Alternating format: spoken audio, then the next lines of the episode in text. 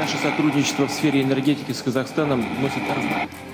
la longueur du dialogue que je viens d'avoir avec M. Poutine.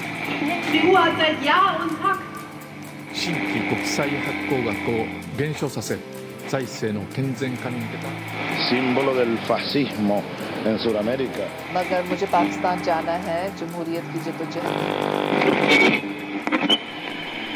Valget i Italia ble konkludert 25.2 med uklare resultater. Og med lite fokus i norske medier. Vi i utenriksmagasinet MIR tar på oss å se hva utfallet ble, og hva det betyr for Italia, med innslag via studioprat og en kronikk. I studio så sitter jeg, Magnus Andreas Tretteberg. Og meg, Vegard Kjerling Christensen. I dag tar Leila Feratovic for seg ulikhetene mellom Sør- og Nord-Italia. Men denne motsetningen mellom et underutviklet uh, sør og et velutviklet nord, Katrine Lunde går i dybden på det italienske valget. Grillo, den store vinneren av dette valget, og han har sagt at han vil ikke samarbeide med noen. Rebekka Hennum tar for seg arbeidsledigheten som preger Italia.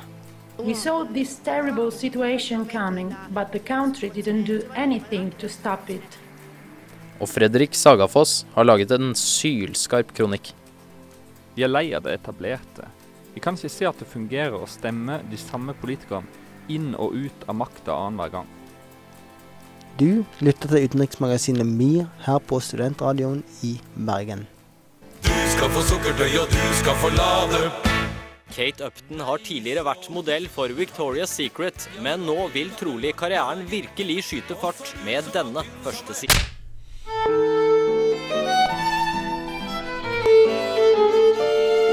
Seriøst.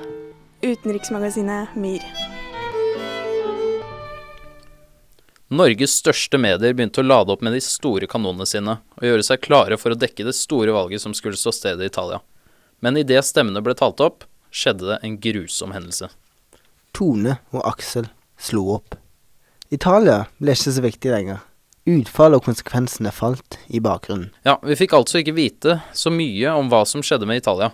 Ja, vi fikk ikke vite så mye om hva som skjedde med Tone Aksel heller. Nei, ikke akkurat. Nyhetsoverskriften uten i verden sa jo mye, men eh, det var jo alt fra katastrofe til håp. Ja, noen overskrifter snakker jo om et valgresultat uten noen klar leder, og The Economist sin overskrift var jo 'Send in the clowns'. Den gjorde narr, og samtidig advarte om hvordan Italias katastrofevalg truer euroens fremtid. Brutale greier, men før vi får høre mer om Italias fascinerende fascistiske og enerverende politikk, skal vi få høre ukas låt 'Barnevakt' med de idødeliggjorte Berlingo her i Studentradioen i Bergen. Du ble forført av Berlingo med sangen 'Barnevakt'. Du hører på utenriksmagasinet MIR. Det som er essensen, er at det, altså det, det er realøkonomien som betyr noe. Det, det, det er ikke, og penger er bare en illusjon. Eh, altså det, det som virkelig skjer, det er at jeg er en professor i økonomi. Finn de gode poengene. Utenriksmagasinet MIR. Ok, så Italias nåværende politiske situasjon er jo noe spesiell. For Vegard, kan du fortelle oss litt om hva som har skjedd der nede, og hva som skjer der nede nå? Ja, Det som har skjedd frem til nå, er at en mann ved navn Mario Monti har sittet med makten. Eh, hele regjeringsapparatet har altså bestått, og består fortsatt av det man kaller teknokrater. Ja, just det. Og teknokrati, det er jo en type styreform som heller mot at ekspertene styrer samfunnet. Og da er det snakk om veldig mange forskjellige eksperter. Det kan være forskere, du kan ha professorer, byråkrater osv. osv. Folk med høyere kunnskap og høyere utdanning, da. Som gjør at de tar over makten innen sitt felt. Selv om de nødvendigvis ikke er folkevalgte. Mm. Og styreformen i seg sjøl er jo ikke konflikt med demokratiet, men eh, blir ofte ikke sett på som veldig populært når de går imot flertallet. Og apropos konflikter, la oss vinkle det inn på en av Italias store skiller, nemlig sør mot Nord-Italia. Akkurat. Eh, så du skiller mellom nord og sør. Men eh, mange jo Mange i Italia er jo uenige om hvordan den såkalte grensen mellom nord og sør går.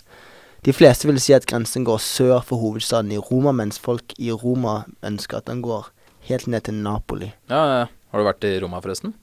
Ja, jeg tar turen der en gang. Ja, sjæl. Nydelig sted. Nettopp. Så der ligger sånn cirka den fysiske grensen. Men hva er egentlig forskjellen mellom Sør- og Nord-Italia? Jo, uh, Freedom er et godt eksempel, har et godt eksempel på et skille. Uh, Freedom House i seg sjøl måler jo graden av politisk og personlig frihet i forskjellige land, og Italia sank nettopp på den listen. Dette er en big deal for europeiske land, å falle på en liste som måler demokratier.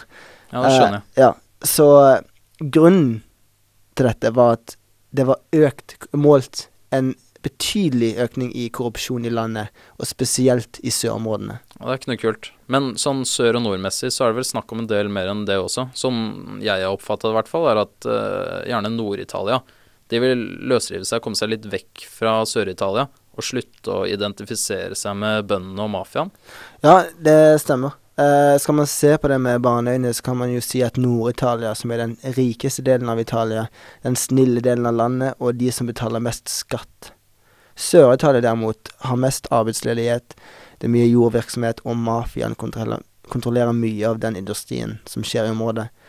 Uh, og da kommer det faktisk ikke mye penger inn i statskassen, uh, grunnet korrupsjonen og det kommer mye penger ut av statskassen til folk som er arbeidsledige. Det er liksom det klassiske eksempelet på det, det late sør mot eh, det eks ekskluderende nord, som det kalles. Ja, typisk late sør. Bare at i Norge er det kanskje omvendt. Men uh, uansett. Nordområdene har jo også historisk sett eksistert som selvstendige bystater, da mesteparten av handelen gikk fra Venezia, altså opp til Belgia, ikke sant? Ja, Uh, det er sant. På samme måte som uh, Vestlandet har vært uh, en historisk handelby i Norge. Men altså, for å nyansere vår begrensede kunnskap om den konflikten, så tar Leila Feratovic for seg vårt første innslag, skillene mellom nord og sør.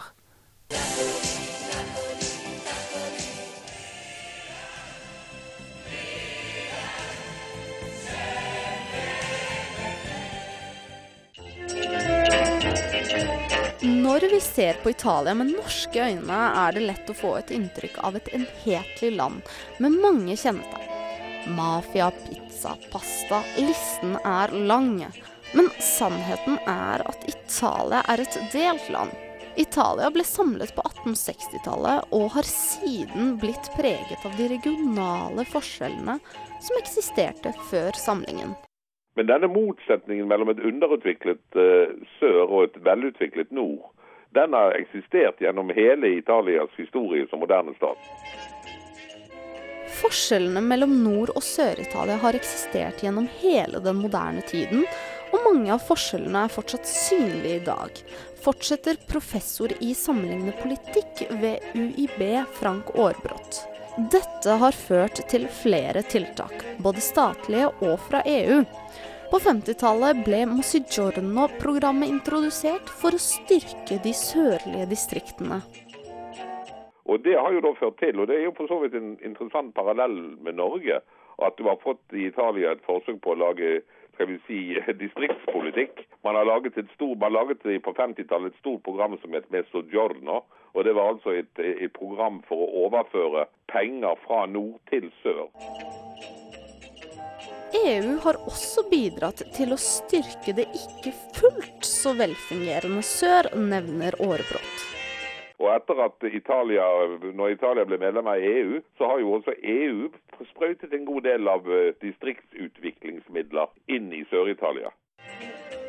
Finansieringene har derimot ikke fungert som de skulle. For i Sør-Italia har kriminelle grupperinger og mafiaen en sterk posisjon. Og disse har da altså misbrukt tiltakene som ble satt i gang av henholdsvis den italienske staten og EU. Dette misbruket av offentlige midler har blitt svært dårlig akseptert av befolkningen i nord, noe som har ført til ytterligere fragmenteringer mellom regionene. Det har til og med blitt en folkelig bevegelse i nord som kaller seg selv for Liga Nord. Denne ligaen er en tilhenger av et selvstendig nord norditalienerne etter hvert fikk nok og sa hvorfor skal vi drive på å betale til dette korrupte Sør-Italia? Og du fikk da denne bevegelsen Liga Nord, som uh, faktisk uh, fant på et, et navn på Nord-Italia, Padonia.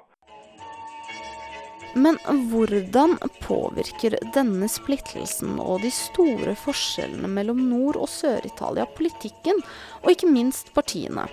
Dette har resultert i sammensetninger i de ulike partialliansene mer enn grupperinger i høyre- og venstreaksen i italiensk politikk, mener Aarbrot. Men poenget er at jo, det er regionale forskjeller i italiensk politikk, men de er innenfor de koalisjonene. Berlusconis partikoalisjon er et eksempel på en sammensetning mellom de ulike regionale grupperingene fra nord og sør. Denne koalisjonen består både av Liga Nord-representanter og representanter fra sør. Det, si, det som har vært hans uh, styrke eller, eller dyktighet, det har jo vært at han har greid å holde Nord-Italia-patrioter og Sør-Italia-patrioter sammen ved, ved hjelp av sitt eget parti i midten. La oss se litt nærmere på hvordan de regionale forskjellene i Italia påvirket det italienske valget. Det er lett å tro at Berlusconis koalisjon, som består av Liga Nord, ville gjort det bra i nord. Dette har riktignok ikke vært tilfellet ved det siste valget.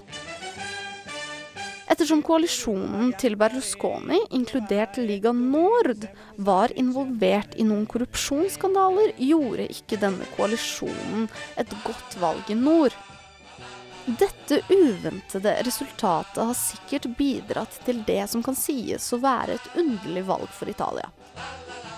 Da gjenstår det kun å se om Italias forskjeller i det hele tatt kan avgjøre Italias politiske fremtid. Du, du, du. Da sier vi takk til Leila Ferratovic som snakket om forskjellene mellom nord og sør. Du hører på utenriksmagasinet MIR her i Studentradioen i Bergen, og nå er det på tide med noen freshe tunes. Her får du nemlig David Bowie med If You Can See Me. Her hørte vi ukens album The Next Day og David Bowie med If You Can See Me. Her i utenriksmagasinet MIR. Eh, Brasil, Colombia, Venezuela, eh, Argentina, eh, Chile, Paraguay, Uruguay. Altså i land etter land. Bolivia. Har du lyst til å kunne like mange land som Håkon Børde? Hør på utenriksmagasinet MIR hver fredag fra 11 til 12 på Studentradioen i Bergen. Det var og er mye frykt og usikkerhet for hva som kan skje etter valget i Italia.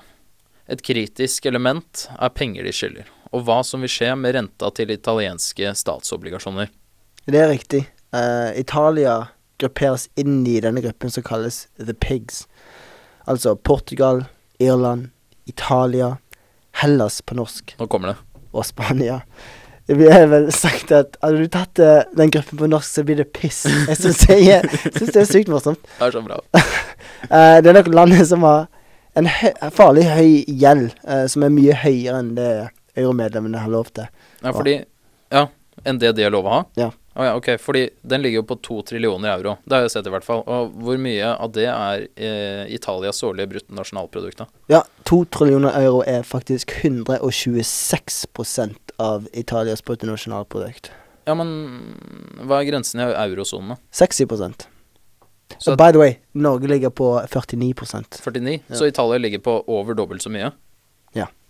Uh, gjelden i seg selv er ikke et problem, eh, men i kriseperioder med høy arbeidsledighet, lite skatteinntekter og høye renter på italienske lån, så blir pengene veldig vanskelig å betale tilbake.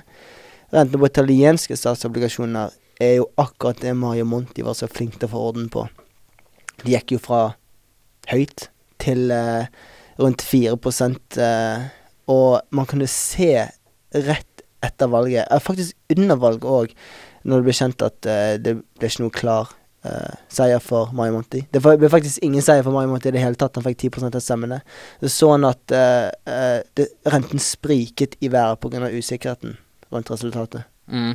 Og jeg skrev ned en fun fact før programmet her, og det er at jeg har funnet ut at renten stiger når folk tror at Italia ikke kommer til å betale tilbake lånene sine. Så når kandidatene går til valg, på basis av å kutte nedbetalinger av lån, da begynte renten på lånene å stige.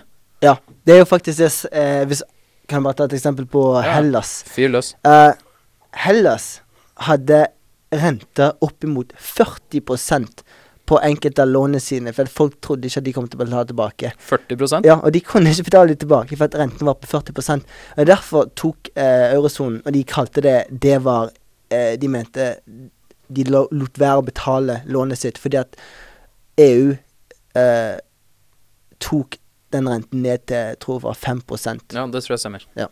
Uh, så det er ganske morsomt at uh, det er litt sånn uh, en ond sirkel, egentlig. Ja, det var jo noen som skulle ønske at de kutta all tilbakebetaling på statslån. Ja. hva, hva heter han igjen?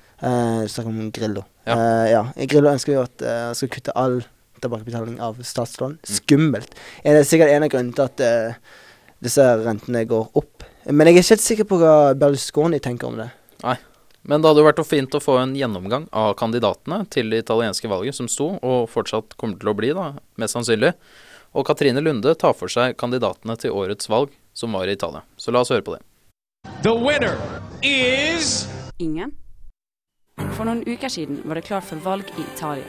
Mario Monti, som har ledet landet de siste to årene, stilte mot Beppe Grillo, Pier Luigi Bersani og den omstridte tidligere statsministeren Silvio Berlusconi. Det ble en valgthriller uten like, og det de frykta mest skulle skje, skjedde. Nemlig en fastlåst situasjon hvor de ikke ble enige om noe. Men hvordan foregikk egentlig valget i Italia? Italia våknet opp til en fastlåst politisk eh, situasjon her dagen etter eh, valget i, i landet. Sentrum venstre ble mye svakere enn det som var forventet, og Silvio Berlusconi gjorde et sterkere valg enn det noen hadde trodd. Italienske valget hadde fire alternativ. Sentrum-venstre-koalisjonen til Pier Luigi Bersani, Høyre-koalisjonen med Silvio Berlusconi i spissen, Femstjernersbevegelsen med komikeren Beppe Grillo og sentrumsblokken til Mario Monti. For å komme til regjering i Italia må man få flertall i begge parlamentets kamre. I dette valget hadde ingen av partiene flertall, og det endte dermed opp med en fastlåst situasjon. I tillegg så eh, ble Beppe Grillo den store vinneren av dette valget, og han har sagt at han vil ikke samarbeide med noen. Dermed så er det ikke noe flertall for noen konstellasjon i Senatet, noe som betyr at det er en helt fastlåst situasjon og, og, og vanskelig å, forutse hva som eh, vil, se, vil skje.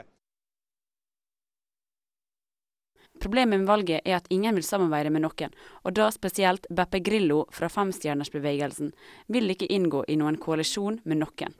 Resultatet av dette er da at det må arrangeres et nytt valg om noen uker, med mindre Grillo plutselig ombestemmer seg og vil samarbeide med Persani, eller de finner en annen løsning. For sentrum-venstre-koalisjonen har kun to seter mer enn Silvo Berlusconis eh, PDL i eh, Senatet. Det betyr at eh, de, eh, de er helt avhengig av hva Beppe Grillo vil gjøre, og han har sagt at han ikke kommer til å tre inn i noen allianse med noen, og at de vil være den protestbevegelsen de eh, alltid har vært. Siden teknokraten Mario Monti tok over makta i Italia, har vi sett en forbedring i den italienske økonomien, og han har berga euroen, foreløpig. Monti, som er tidligere medlem av Den europeiske kommisjon, leder sentrumskoalisjonen i den italienske regjeringa. Men under dette årets valg måtte han gi tapt for femstjernersbevegelsen. Slik det ser ut nå, har de noen usannsynlige alternativer. Bersani og Berlusconi kan inngå en stor koalisjon. Men de færreste regner dette som et alternativ, ikke engang Bersani selv. Det andre alternativet er at Bersani kan danne en mindretallsregjering sammen med Mario Monti. Men dette vil nok bli vanskelig, siden både Berlusconi og Grillo er imot dem, og de mest sannsynlig ikke kommer til å få noe flertall for sin økonomiske politikk. Det vil gjøre politikken deres vanskelig. Det siste alternativet skjer hvis alle andre forslag feiler. Da må president Napolitano utnevne en ny teknokratregjering. Men det er jo ikke betryggende at Italia for øyeblikket er lederløse, og at alternativer bl.a. er en klovn og Silvio Berlusconi. Selv om Mario Monti har gjort mye for Italias økonomi, så skal det ikke mye til for å ødelegge alt han har fått til. Og både Grillo og Berlusconi har begge vist stor motvilje mot spareøkonomien til Monti. Og hvilke reaksjoner får det her rundt om i Europa?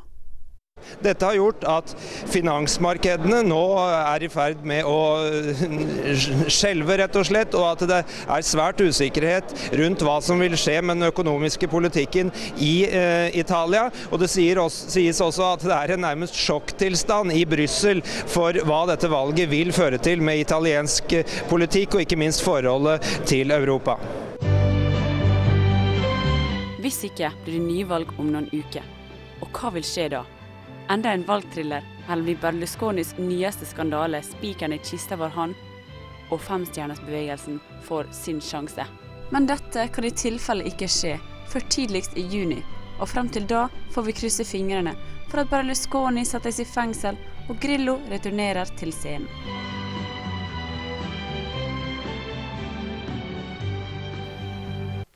Her hørte du Katrine Lunde om kandidatene til det italienske valget. Nå er det på tide med litt musikk. Vi skal høre norsk rock. Vi skal høre Oslo S med Bislett Stadion! Ja, tilbake til Vestlandet og kvalitet her i Utenriksmagasinet MIR. Vi hørte nettopp Høy, høy, høy. Oslo, jo, mann. Skjerp deg. Vi hørte nettopp på Oslo S med Bislett Stadion. Å være presidentkandidat i USA krever en eh, hud så tykk at du ikke trenger ryggrad for å stå oppreist. Nå hører du på utenriksmagasinet MIR her på Studentradioen. Italias store politiske personligheter kan virkelig det å by på seg sjøl. Og har spesielt før dette valget vist at det er viktig å være en talsmann for folket og for å vinne stemmer. Det kan du si. I det nylig gjennomførte valget, som var nå nettopp, fikk jo partiet til Vanskelig navn. Giuseppe, Giuseppe Piero Grillo. Ja, bedre kjent Ja, det er den. Bedre kjent som komikeren Beppe Grillo. Da. Han fikk røftlig 25% av stemmene. Så ikke bare er han en av Italias største komikere, og bloggere for så vidt, men han er også lederen for et av de store politiske partiene i Italia, som kalles på engelsk, engelsk Five Star Movement. Hvordan, hvordan er det mulig, Vegard? Uh, uh, bare i Italia, kan man si. Uh, han er jo ja, tydeligvis ikke bare i Italia. Men er, er man dyktig, så kan man virkelig få med seg folket. Og i 2010 tror jeg han starta bevegelsen som de kalte Femstjernersbevegelsen. Ja, på Eh, norsk, da. Ja. Ja. Som da ble senere valgt inn eh, som et parti. Han er strengt tatt bare en frontfigur fordi han drepte tre personer i en bilulykke, hørte jeg. Jeg gjorde han? Ja, faktisk. Det er derfor han ikke kan sitte i parlamentet. Ja, men det er flere lovbrytere som har stilt til valg Ja, her. hvorfor er Berlusconi Han fortsatt ja, OK, greit. Ok, Ja, Men hva kaller man eh, Berlusconi? Han, eh, han er jo en le- levende legende i Italia. Han var, han var statsminister fra 1994 til 1995. Og så satt han en lang periode fra 2001 til 2008, og fra 2008 til november 2011. 16. november, om jeg husker riktig.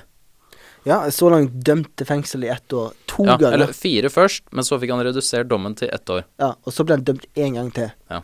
Eh, ja, eh, Berlusconi uansett. Alt geniale kampanjer til store skandaler har han vært med i. Men allikevel klarer han jo å overbevise folk gang på gang. Han er jo en karakter. Han er jo, han er jo en businessmann. Han, han er jo genial på noen måter. Han begynte, som du sa, eller som du ikke sa, men han begynte, han begynte i media på 70-tallet, og på 80-tallet så startet han eh, da Italias første kommersielle TV-kanal. Siden den tid har medieselskapet hans eh, vokst og vokst, og i dag kontrollerer han tre av de sju store kanalene i Italia. Så eh, på den måten, eller han får jo en veldig unik måte å markedsføre seg sjøl og sin politikk på, gjennom at han har de tre store kanalene å kunne vise til sin politikk på. Og da, det er veldig mange i Italia som ikke leser så mye aviser, men ser på TV isteden. Ja, eh, for, altså For ikke å snakke om familien som eier store deler av Italias største forlag, forsikringsselskaper, reklamebyråer. Han har jo skapt eh, en del kontroverser, og en av hans mest legendariske sitater er jo 'Only I can turn this country around'. Det er snakk om politikere med ekstremt høy selvtillit. Ja, ikke sant? Men nå, nå skal vi få høre Rebekka Hennum, som tar opp et av de store problemene som herjer i dagens Italia, nemlig arbeidsløsheten. Prøv å snu på det, Silvio. About 3 million young people have stopped looking for work as they think it is just a waste of time. Many people turn to the black market. We saw this terrible situation coming, but the country didn't do anything to stop it. Romerriket, var et av verdens første imperier, og etterfølgeren var bystater som utvikla seg inn til ett Italia. Bare Vatikanet som bystat ble igjen. Italia i dag er et land fullt med korrupsjon innen politikk, handel og politi. Som EU-medlem har Italia pådratt seg store bøter fordi staten ikke klarer å ta hånd om den organiserte kriminaliteten som styrer store deler av markedskreftene. Men hvem er det som blir utsatt for dette? I Italia i dag er arbeidsledigheten for unge på 37% og det er vanskelig å se for seg en økonomisk bærekraftig framtid. In southern Italy, the situation is even more dramatic. In some areas, from three quarters to 80% of all young people are without work. And not infrequently, the mafia is the largest, if not the only employer. I'm not so confident about my future because um, here in Italy, I don't see it very clear about what's going to, to happen in these, I think, two, three, four, five years. Because the situation, politically speaking, is quite um, messy. So I'm sure I'm not going to stay in Italy. Cuts for in much. education are contributing to the high level of unemployment and social decline. Student grants and government funding for research and teaching are being reduced, meaning that many young people are doomed to a life without work, education, and study. Prospects are a few in a country burdened by massive public debt and an economy in recession. Many companies only hand out part time contracts. Others opt for redundancy fund schemes or have to close down. The number of people working on the black labour market is on the rise. For many young people, illegal jobs represent their first and only work experience.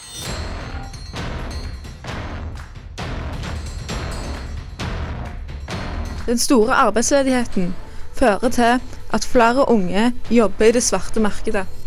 I det svarte markedet får de ikke tilgang på arbeidskontrakt når de skal være på jobb. De får ikke tilgang på arbeidsrettigheter. Dette skaper en svært usikker framtid for flere unge.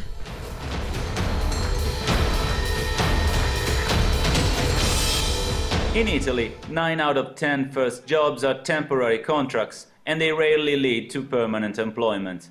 A whole generation of Italians aged 25 to 35 has been labeled with the term i precari, the precarious ones. In most cases, they are constrained to live with their parents. I've only ever worked on the black market. I got my first job in 2006. I worked in a wellness centre for six years. I never signed a contract, they just called me in when they needed me. When they didn't need me, they didn't call me. I got 500 euros a month, working four hours a day every day, including Saturdays. I worked on markets in a butcher shop. I sold ham and meat. I worked as a mechanic, as a carpenter too. Always black labour without any contract. I earned 100 or 80 euros per week. Working on the black market means you can get hired and fired on the spot. You have no social security, no pension schemes, no judicial protection if your employer fails to pay you. I've been coming here to the employment office since I was 19. I'm 28 now. I've had lots of negative experiences. It's impossible to find any work. I change jobs every five minutes without any long-term prospects. Most of the work you find here is on the black market. I'm now in my late 20s. I can't go on like that. I took illegal work in a company distributing advertising flyers and whatever else I could find. They never paid at the end of the month. They always paid several months later. And when they did, it was never what you expected. Always less. It's hard. Det er ikke lenge til det skal avholdes valg i Italia. Og hva for noen grep har egentlig kandidatene for å forberede denne situasjonen? Det er heller usikkert. For arbeidsrettigheten og det svarte markedet er ikke det som står øverst i valgkampen. Much more needs to be done to ensure the youth of Italy and therefore the Italian society as a whole can look forward to a better future in a country where it is possible to stay with pride. Det var Rebekka Hennum som snakket om arbeidsløshet i Italia. Vi tar en kort musikalsk pause for å samle tankene. Dere skal få slappe av med en nyere versjon av sangen 'Dreams' av Fleetwood Mac. Søte toner fra legendene i Fleetwood Mac. Liten digresjon, så var uh, trommisen Mick Fleetwood i Top Gear her om dagen. Uansett, sangen het Dreams, og dere hører på utenriksmagasinet MIR her i Studentradioen i Bergen. Dette er Morten Ruud, korrespondent for NRK i Moskva. Og du hører på utenriksmagasinet MIR i Studentradioen i Bergen.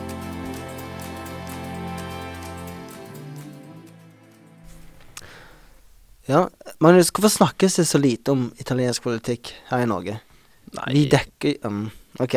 Uh, vi, vi dekker jo det amerikanske valget som er plaster på et sår, da. Nei, er det for lite å snakke om? Har vi nok med Tone og Aksel i tabloidene våre? Nei, Du har kanskje rett. Historien i Italia er jo en historie som mange andre land kan relatere seg til for tiden. Ingen er enige. Ikke bare er de uenige, men verden er ekstremt polarisert og sinte i det siste. Derfor ser man mennesker som eh, eh, Altså en komiker som griller faktisk kan dukke opp i politikken og vinne 25% av stemmene. Viktig. Absolutt. Og USA er jo mer polarisert enn før borgerkrigen. Hellas på sin side har en økende høyreekstremisme. Ungarn ønsker å fjerne enkelte rettigheter i grunnloven sin. Det er, mye, det er mye som skjer. Ja, verden, og spesielt Europa, lever jo i en nedgangstid. Økonomen eh, John Maynard Keynes ville faktisk referert det til som en likviditetskrise, selv om veldig mange økonomer ikke har lyst å, å gjøre det. Uh, ingen bruker penger, og sentralbankene prøver faktisk å motvirke deflasjon heller enn inflasjon. Ja, og det, det, er jo på en måte en av utfordringene i Italia. Det er at uh, alle, alle, alle mann i gata, de bruker cash. Det er veldig mange som bruker kontanter. Det er fåtall av mennesker som bruker kontantkort. Og når de samme papirsedlene er i omløp år etter år etter år, så er det veldig vanskelig for staten å beregne hvor mye nye sedler og, Eller hvor mye nye penger de skal lage, da. Fordi det, det, er vanskelig å få oversikt over hvor mye som finnes der ute. Og dette endrer jo spillereglene, sånn på det økonomiske planet. Men til hvilken grad påvirker det spillereglene i politikken? Fredrik Saga Foss tar for seg de politiske kandidatene i dagens unike politiske atmosfære.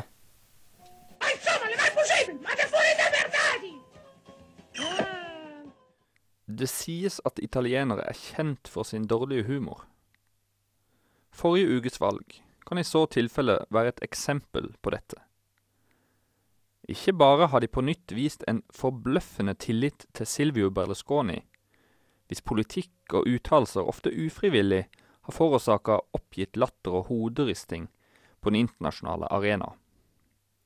De har forsyne meg forært en fjerdedel av stemmene til en vaskeekte komiker Beppe Grillo. Og kandidaten med flest stemmer er det få som kan navnet på, og spørsmålet er om det i det hele tatt er verdt å lære seg. Det var noe på B. Til tross for dette ustyrtelig morsomme resultatet er det ingen som ler, verken i Brussel, Frankfurt eller i Roma. Nå er det ikke et ukjent fenomen at humorister entrer politikken. Ta komikeren Jon Gnarre, for eksempel, fra Island. Han ble valgt til ordfører i Reykjavik på et program som bl.a. innebar gratis håndklær i alle svømmehaller og et Disneyland ved flyplassen. Krisetider har en tendens til å få utenkelige alternativ til å virke forlokkende. Vi er lei av det etablerte. Vi kan ikke se at det fungerer å stemme de samme politikerne inn og ut av makta annenhver gang. I tillegg til dette tenker vi kanskje at det beste tross alt er å møte undergangen med et smil om leppene. Gjør det beste ut av den tida vi måtte ha igjen. Et interessant utslag av dette har vært at Grillos blogg har blitt en av de mest populære kildene til politiske nyheter i hele Italia. Til folkets forlystelse.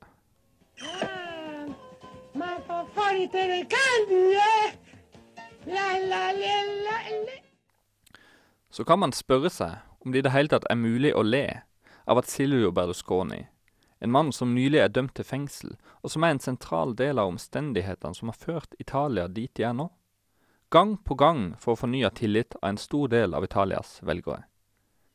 Eller at Grillo har uttalt at han vil nekte å inngå koalisjoner. Han vil heller vente et år, til den regjeringa de nå måtte få stabla på beina igjen, går under. Da er det hans tur, sier Grillo. Italia står foran en periode med tøffe reformer. Landet har stor gjeld, synkende produksjon og ikke minst et digert tillitsproblem både innad og utad. Dette resultatet forsterker bare denne tillitskrisen, noe som ga seg utslag i et globalt fall i finansmarkedene etter valget. Europa roper etter handlekraft, og i et land uten regjering er det vanskelig å oppnå denne handlekraften. Og den lille optimismen vi måtte sitte igjen med etter Monty, er uttrykkelig eliminert.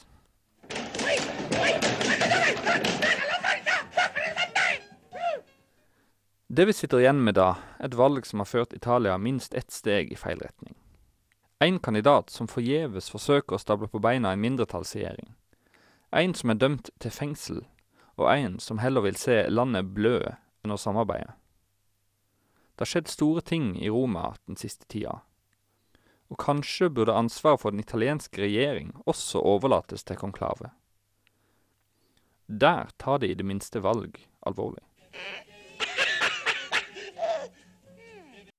Dette var Fredrik Saga Foss som snakket om den spesielle situasjonen rundt valget i krisetider. Vi kan vel være enige om at uh, atmosfæren har vært litt spesiell? Ja, veldig spesiell på mange måter, og en spesiell atmosfære kommer det til å bli. Jeg gleder meg veldig mye og lurer på hvordan det kommer til å ende. Sånn når kommer det neste valget, hva kommer til å skje, hvem vil vinne? Vil det bli koalisjoner? Foglerne vet. Sant det. Ellers i Utenriksmagasinet MIR så må vi takke for oss. Takk til Leila Feratovic og Katrine Lunde. Og vi må takke Rebekka Hennum og Fredrik Sagafoss. I studio har du meg, Vegard Kjerning Christensen. Og så er det meg, Magnus Andreas Stredberg. Vi håper du har kost deg. Det har vi. Det har vi. Og hvis du ikke fikk med deg denne sendingen, så kan du laste ned podkasten på srib.no slash podkast, og så kan du like oss på Facebook. Og følge oss på Twitter. Ja, du må absolutt følge oss på Twitter. Definitivt. Takk også til produsent Emil Perron. Takk til deg. Og som sagt, takk for oss denne gang. Men ikke glem å høre på oss neste fredag fra 12 til 13 her på Studentradioen i Bergen.